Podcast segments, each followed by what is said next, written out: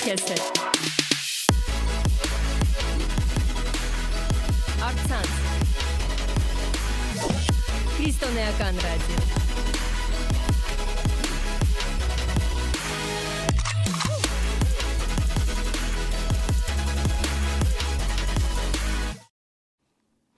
Բարև ձեզ։ Աստծո օրհնությունը ամեն մեկիդ, ովքեր դիտում են մեզ։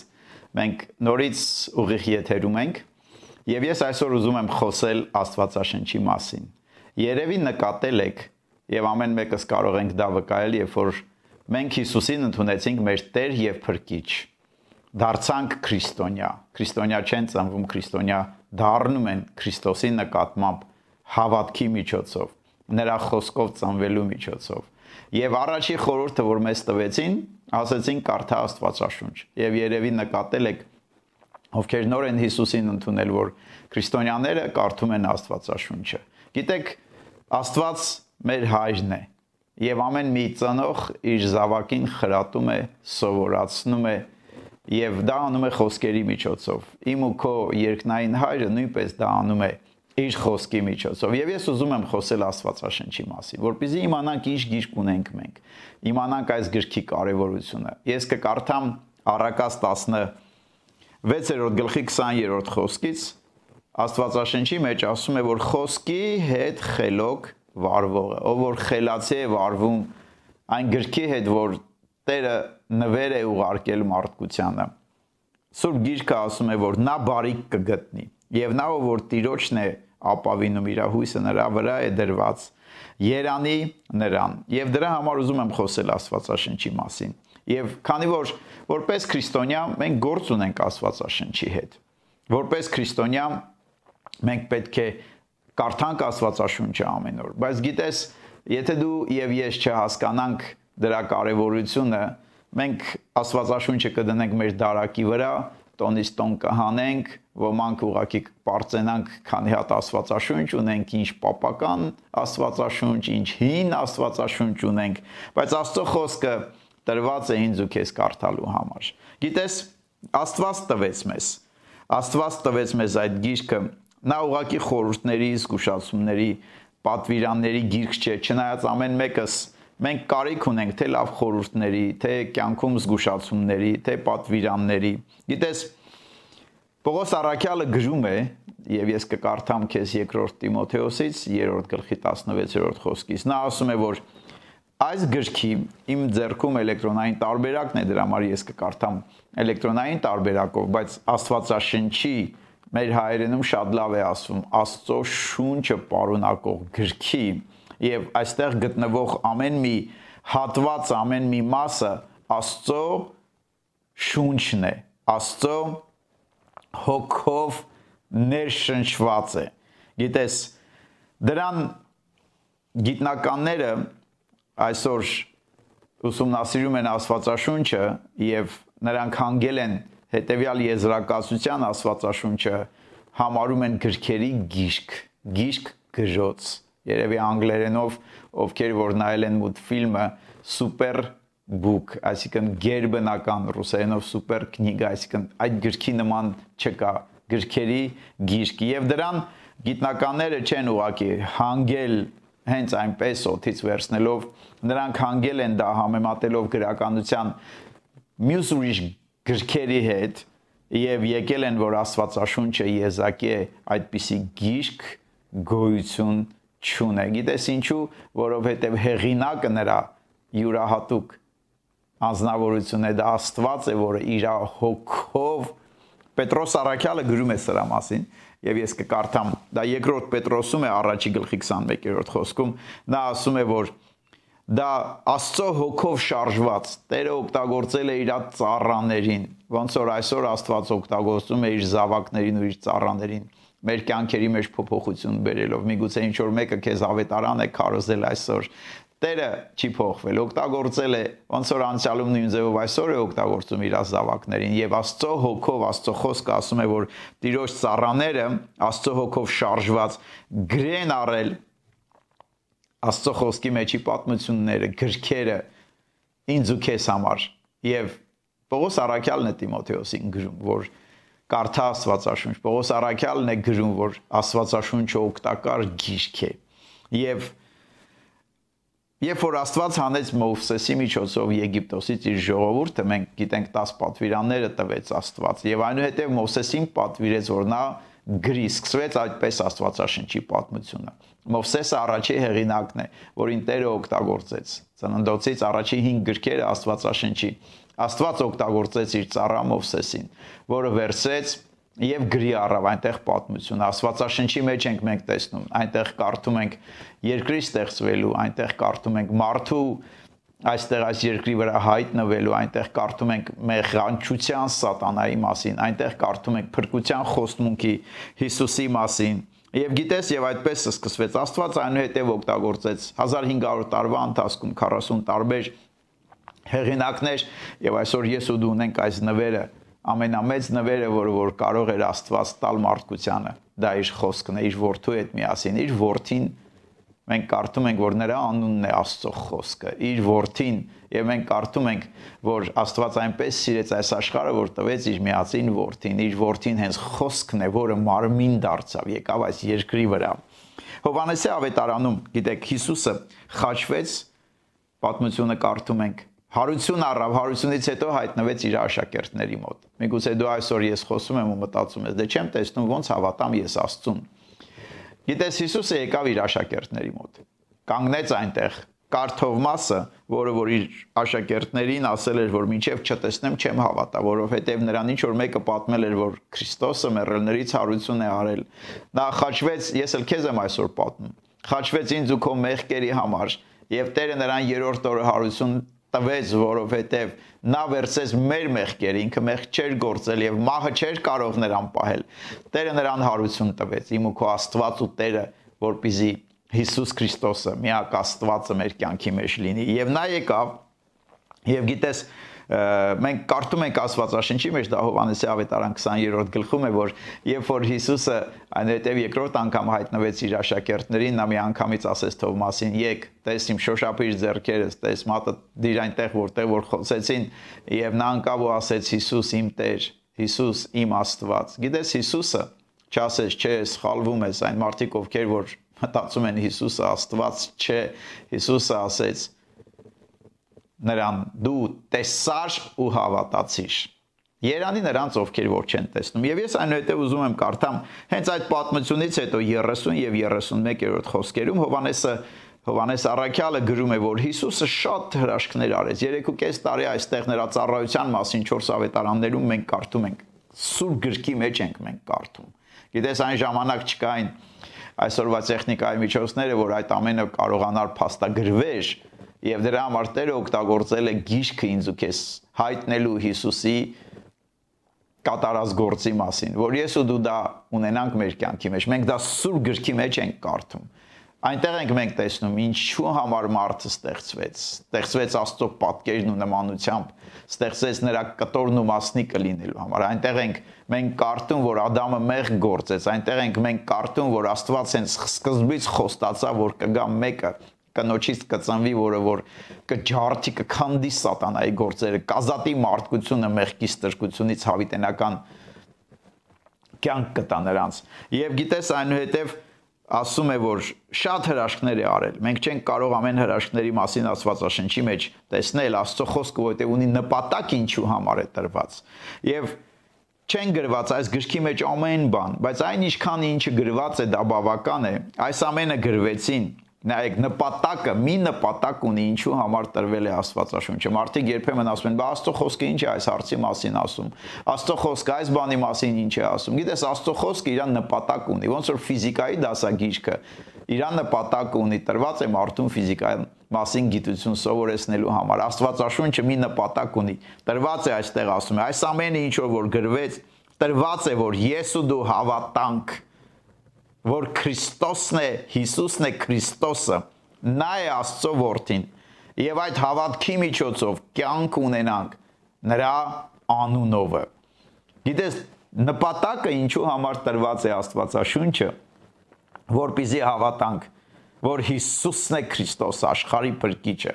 եւ նրանով մենք կարողանանք կյանք ունենանք։ Աստծո խոսքի մեջ այո, իհարկե, ես այսօր ուզում եմ Աստվածաշնչի մասին եմ խոսում։ Մի գիրք, որը իմ կյանքս է փոխել։ Գիտեք, ես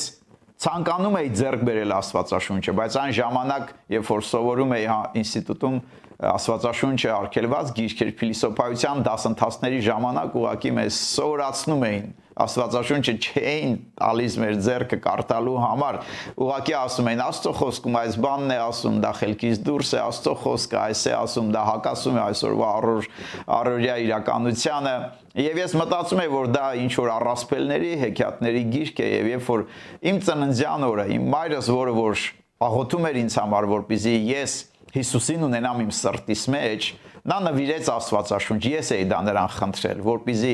ես կարդամ Աստվածաշունչը եւ ուղակի մայրիկին կարողանամ ապացուցեմ, որ այս գիրքը ուղակի առասպելների ու հեքիաթների գիրք է տրամաբանությունից դուրս այսօրվա կյանքին չվերաբերվող գիրք է ես դա կարդացի եւ իմ կյանքս փոխեց Աստծո խոսքը։ Եվ այսօր քեզ եմ դրա համար խորհուրդ տալի այսօրվա հենց հաղորդման վերնագիրը այսպես է՝ կարդա Աստվածաշունչ։ Եվ դա քո կյանքը կփոխի ոնց որ իմ կյանքը փոխեց։ Իհարկե Աստծո խոսքի մեջ տարբեր թեմաների մասին է խոսվում։ Այնտեղ գիտես միակ գլխավոր թեման դու չես կարող չգտնես, դա Հիսուս Քրիստոսն է։ Ոչ մի կրոնական գրականություն չի կարող Աստվածաշնչի հետ համեմատվել։ Այդ խոսում է ամուսնության մասին, առօրյա այսօր կյանքին վերաբերվող հարցերի, բաժանություն, խոսում է միասեռության, շնության, մեղքի, իշխանությունների հնազանդության մասին, խոսում է վարքագծի ու բնավորության փոխման մասին, բաներ կան որ մեզ օգուտ չեն։ Աստծո խոսքը ասում է ամեն բան ինձ թույլատրելի է, բայց ամեն բան ինձ օգուտ չի։ Խոսում է երեխաների դաստիարակության մասին։ Այնտեղ ենք մենք կարդում ծնողին հարգելու պատվիրանի մասին։ Այնտեղ ենք մենք կարդում ծնողներին, որ պատվիրում է Աստծո խոսքը չվրթովեցնեն իրենց զավակներին։ Այնտեղ ենք մենք կարդում ամուսին եւ գիտես կարդում կնոջ հարաբերության մասին, որտեղ խոսում է ամուսնուն, որպեսզի սիրի իր կնոջը եւ խոսում է կնոջը, գիտես, որpizzi երբ որ սերը կա հնազանդությունը անհնարին է որ չլինի։ Մենք կարդում ենք այնտեղ մեկը մեկին օգնելու մասին։ Այնտեղ ենք մենք կարդում Աստվածաշնչի մեջ իրար հետ տեսնում ինչը օգուտ չի, ինչը թվում է թե քաղցր է ճանապարհ է առակած գիշկը ասում է սկիզբը քաղցր է երևում բայց վերջը կործանում ու տանում է հավիտենական կորուստ այնտեղ են կարդում որ մարդը ժամանակավոր է այս երկրի վրա եւ այսօր մարդիկ ովքեր կլինիկական մահեր են վերապրում նրանք գալիս են հետ եւ ասում են այո այո աստծո խոսքը ճշմարտություն է աստծո խոսքն է տալիս պատասխան այս ամեն երևույթների չնայած այս ամենին մենք չենք կարող ուղակի հեղինակին չգտնենք ամեն մի գրքի ամեն մի պատմության, ամեն մի հատվածի մեջ հեղինակը դա կենթանի Տեր Աստվածն է։ Հայտնված Հիսուս Քրիստոսի միջոցով։ Գրքի նպատակն է մարդուն Քրիստոսին բերելու եւ այնուհետեւ սովորացնելու ոնց ապրել Քրիստոսի հետ այս երկրի վրա, լինելով օրհնություն շատերի համար։ Գիտես, Գիտնականները ասացի մի քիչ առաջ, որ նրանք համեմատել են այս գիրք ուրիշ գրականության գործերի հետ եւ նրանք եկել են հետեւյալ եզրակացության։ Ես սա խոսում եմ, գիտեք,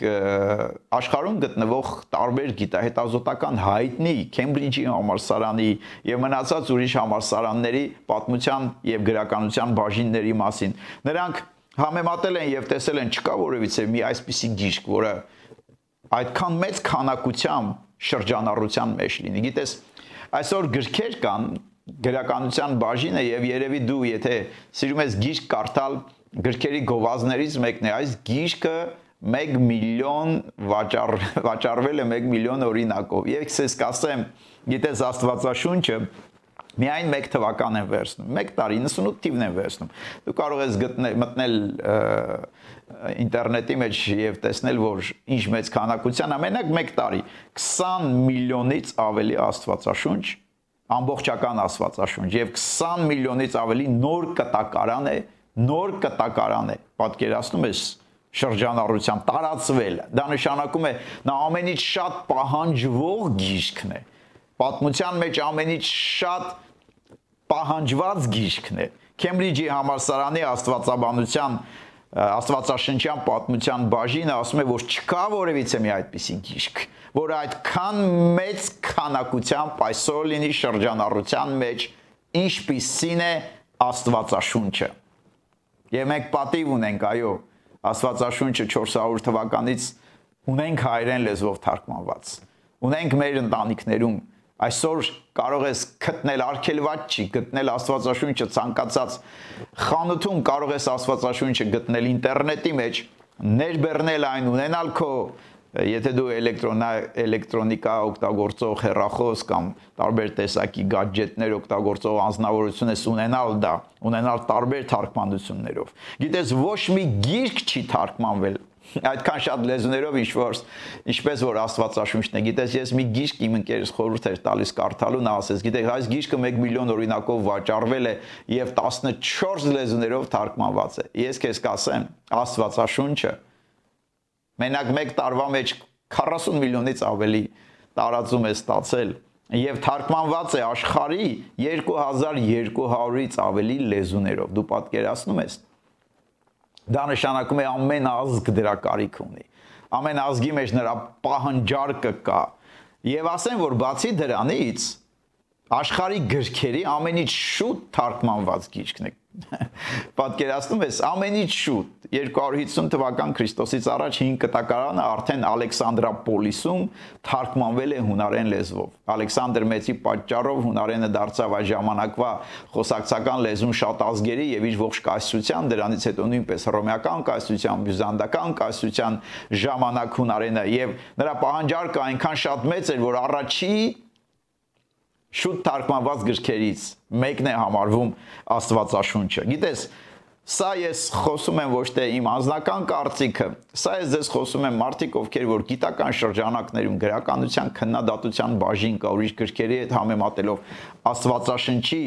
համեմատությունից եկել են, որ նա եզակի գիրք է։ Եզակի է եւ յուրահատուկ է։ Յուրահատուկ է իր ամբողջականությամբ։ Զարմացած են 40 տարբեր հեղինակներ Սուրբ Հոգով շարժված, տարբեր ժամանակահատվածներում, տարբեր մարտիկ, տարբեր զբաղմունքի, տարբեր կրթության, տարբեր աշխարհամասերում ապրող այս գրքի մեջ չես գտնում։ Գիտես, հակասություն չես գտնում որևիցե մի բան, որ կարող ես ուղակի դնես մի կողմ եւ ասել, չէ, սա հեքիաթ է կամ առասպել։ Նա ամբողջական է, ամբողջական է, նա միասնական է, հեղինակին գտնում ես ամեն միտեղ Պատճառը ինչու, որովհետև մեկն է հեղինակը, Աստված, որ իր հոգով շարժել է իր ծառաներին ու իր զավակներին օգտագործել այս գիրքը ինձ ու քեզ հասցնելու համար եւ խոսքի հետ խելոք վարվողն է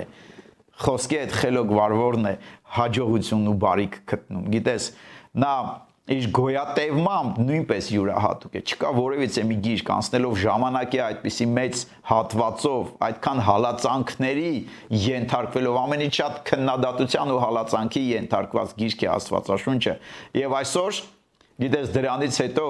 ուղակի ավելի մեծ քանակությամբ ու ավելի մեծ պահանջարկով գոյություն ունենա։ Մեկ հատ մեջբերում անեմ 303 թիվ պատմության մեջ։ Հռոմեական կայսր Դեոկլետիանոսը հրովարտակի արցակում ըստ որի պետք է արգելվեր քրիստոնեական աշտամունքները, ոչնչացվեին սուրբ գրքի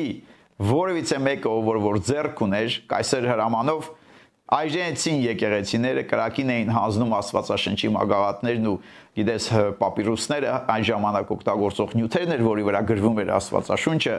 եւ հայտարարում են, որ բարձր պաշտոնյաներ զբաղեցնողները, պաշտոններ զբաղեցնողները, ովքեր որ Քրիստոսին են հետևում Աստվածաշունչ, նրանց ձեռքում նրանց տանը կհայտնաբերվեին, ապա կկորցնեն իրենց քաղաքական իրավունքները, իրանց իրանց պատկերացնում ես ընտանիքի անդամները ովքեր հավատարիմ կմնան Հիսուս Քրիստոսի նկատմամբ հավատքին, կզրկվեն իրենց ազատությունից, տրկության կվաճառվեն, Նրանք միայն իրենց աշխատանքն ու պաշտոնը չէին կորցվի։ Ընտանիքի անդամները ստրկության կվաճառվեն։ Այս իրադարձությունների մասին գիտես մենք կարդում ենք, ասեն որ մատենադարանում գոյություն ունեցող Եվսեբիոսի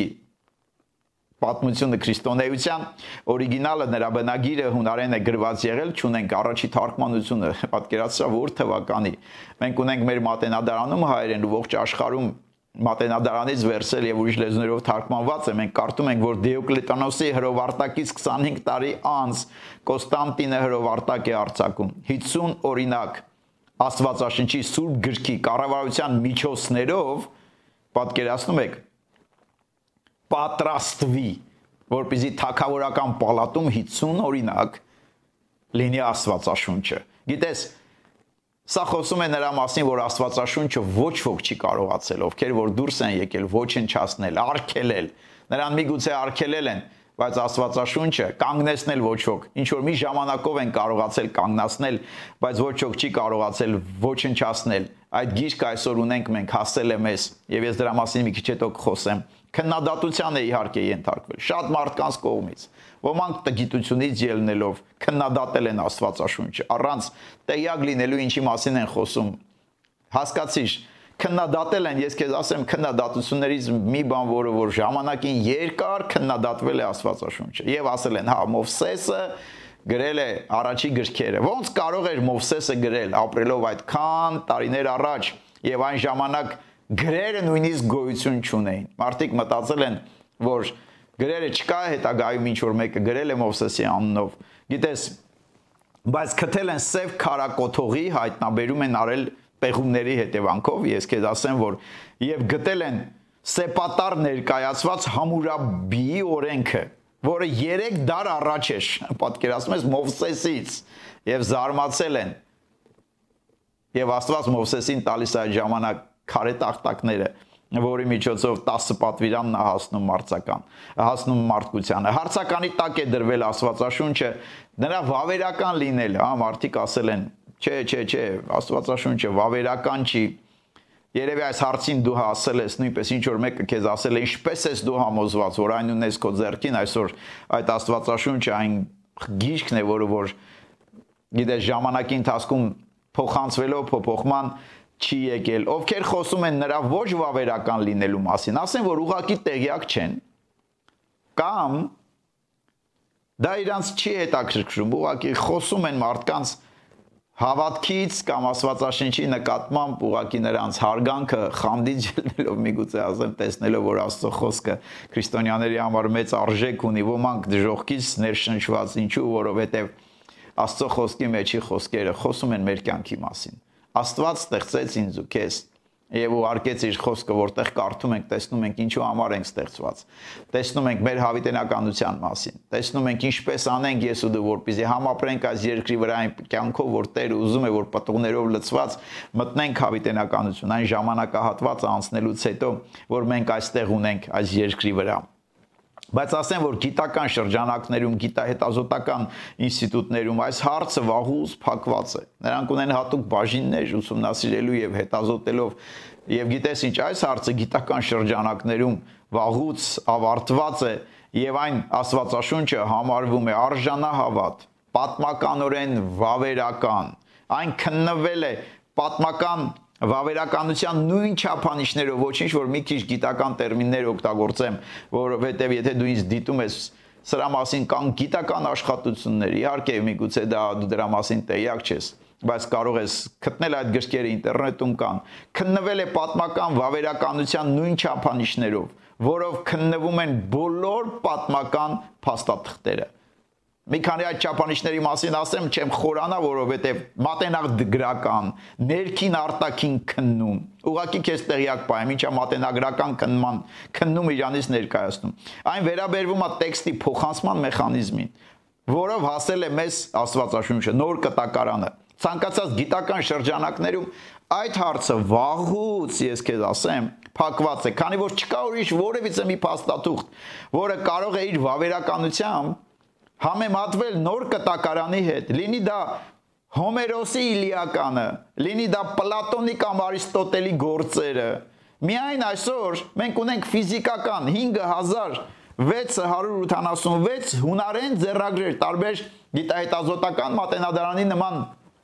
գիտական ինստիտուտներում եւ թանգարաններում 10000-ից ավելի լատիներեն վուլգատա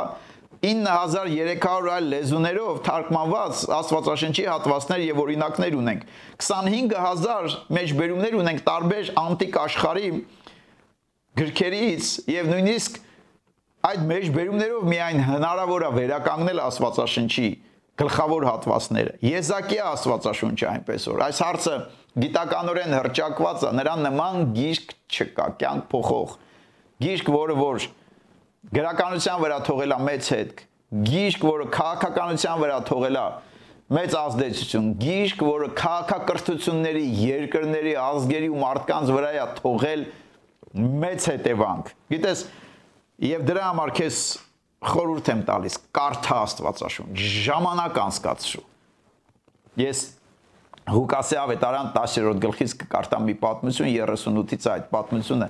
ես կկարտամ որ Հիսուսը գալիս է մի գյուղ այնտեղ Մարթան ընդունում է Մարթայի քույր Մարիամը եւ Մարթան գիտես Հիսուսը մտել էր նրա տուն զբաղված էր խառնված տարբեր գործերով Մարիամը նստած Հիսուսի խոսքերն էր լսում եւ նա գալիս է եւ ասում է Հիսուսին հոգը չի Մարիամը ինչ չի օգնում եւ Հիսուսը Գիտես Մարթային նրան ինչ է ասում, ասում է որ Մարթա, Մարթա, դու հոգս ես քաշում շատ բաներով զբաղված ես, այո, եւ մենք ենք այսօր շատ զբաղված, այսօրվա կյանքը զբաղված է եւ երբեմն այնքան ես աշխատանքով կամ տարբեր հարցերի վրա ինտերնետում մտնում ես կարող ես 4 ժամ նայել տարբեր սոցիալական կայքերում նկարներ, բայց 30 րոպե օրվա մեջ Աստվածաշունչ տրամադրելը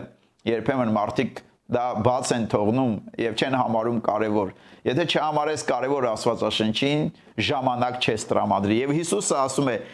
մեկ բան է պետք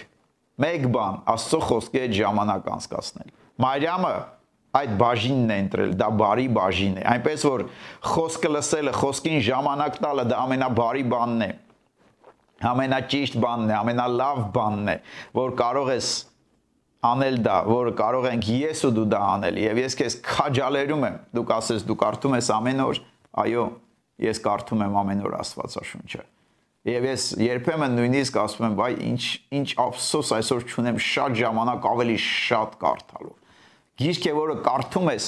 չի ավարտվում։ Հեղինակը, որովհետև ինտելեկտով, գաղափարով, հասկացողությունով եւ ամեն ինչով միլիարդավոր անգամ բարձր է։ Այդ գիրքը բացվում է մեր հոգեվոր աճի, այդ գիրքը բացվում է Քրիստոսի հետ մեր հոգեվոր ընթացքի քայլելու տարիների ընթացքում ավելին ու ավելին։ Եվ Տերը իր ծառաներին առավել եւս իր զավակներին հետեւյալ պատվիրանն է տալիս։ Ես ուզում եմ Հեսուից կարդամ առաջի գլխից։ Իդես Հեսուն այն ազնվորությունն է, որը Մովսեսից հետո պետք է Աստծո ժողովուրդը մտցներ Իսրայելի երկիր եւ Տերը գալիս է ասում է դու կհաջողվես միայն հետեւյալ պայմաններին հետևելով եւ պայմաններից մեկը նայր այստեղ նա այնտեղ ասում է քաջ եղիր չվախենաս եւ առաջի գլխի հեսուի առաջի գլխի 8-րդ խոսքն եմ կարդում, այսինքն կտեսնես այստեղ նրա հաջողակ լինելը կախված էր խոսքի նկատմամբ նրա վերաբերմունքից։ Նույն ձևով իմ ու քո հաջողակ լինելը կախված կլինի մեր վերաբերմունքից Աստծո խոսքի նկատմամբ։ 8-րդ խոսքն եմ կարդում։ Նա ինչ է ասում Տերը Մովսեսին. այս օրենքի գիրքը քո բերանից չհեռանա։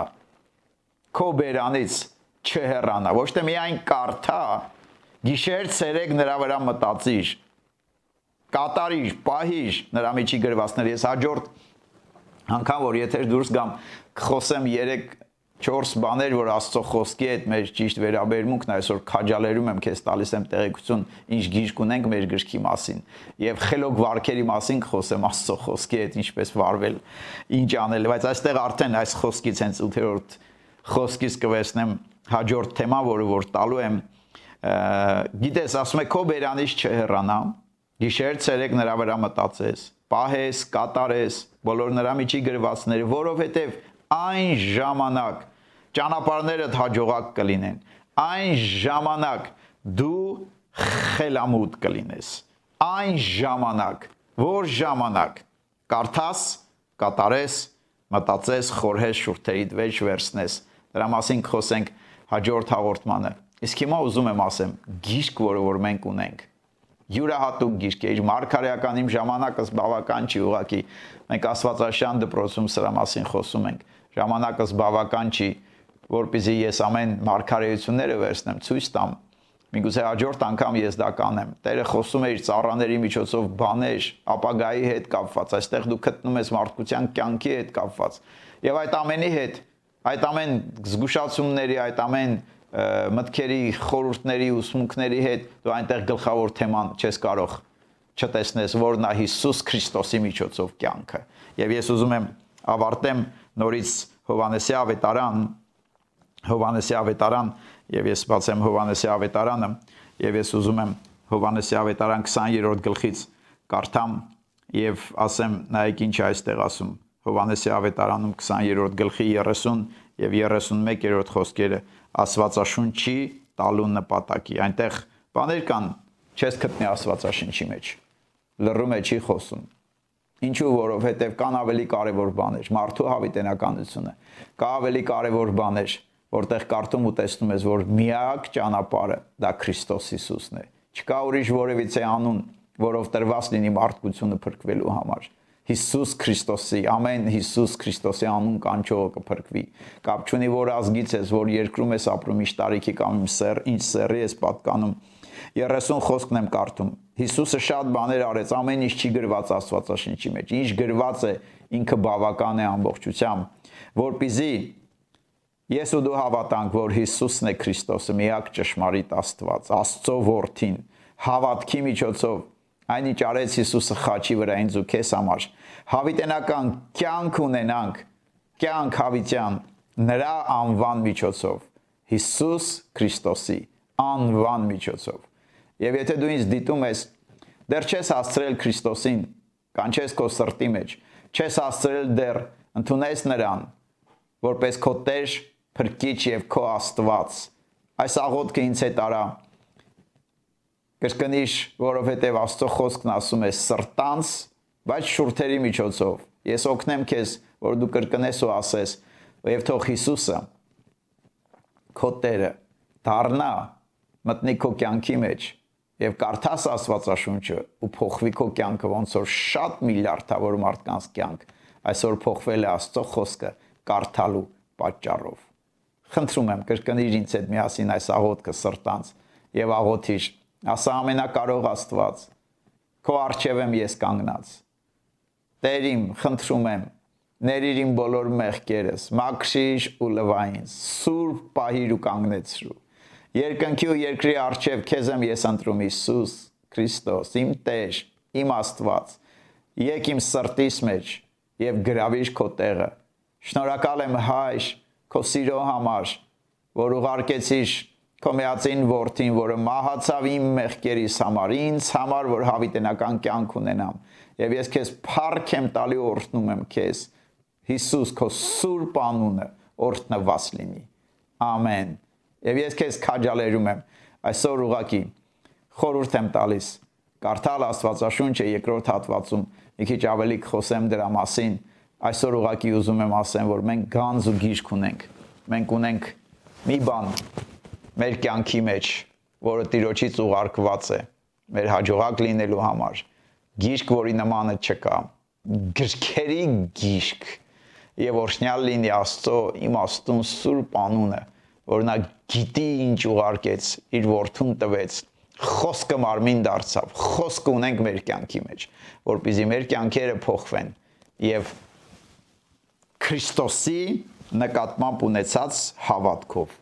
մենք ապրենք ու կյանք ունենանք։ Ամեն։ Շնորհակալություն Տերը օրհնի ձեզ, ովքեր դիտում են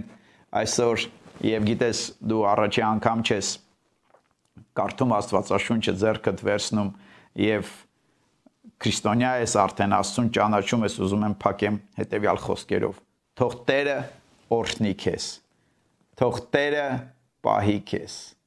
Թող Տերը բարձրացնի իր երեսը քեզ վրա, իր ողորմությամբ կշտացնի։ Թող Աստված իր երեսը փայլեցնի միշտ քեզ վրա։ Եվ իր խաղաղությունը, որ ամեն մտքից վեր է, թող մեր սրտերի մեջ լինի։ Եվ այս աղոթքը ես անում եմ Աստծո միածին որդի Հիսուս Քրիստոսի սուրբ եւ զորավոր անունով։ Ամեն լինեք օրհնված։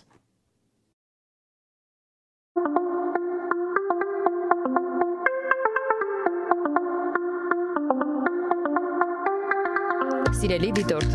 քեզ ենք ներկայացնում Vol Radio-ն։ Մեր տեսիլքն է մեդիայի միջոցով ավետարանել ամբողջ աշխարհին։ Եթե դու ուզում ես դառնալ այդ տեսիլքի մի մասնիկը, ապա կարող ես աջակցել ֆինանսապես կամ դառնալ մեր հովանավորը։ Աստծո գործ առաջ տանելու համար մենք ունենք քո կարիքը, եւ թող Աստված օրհնի քո զոհը։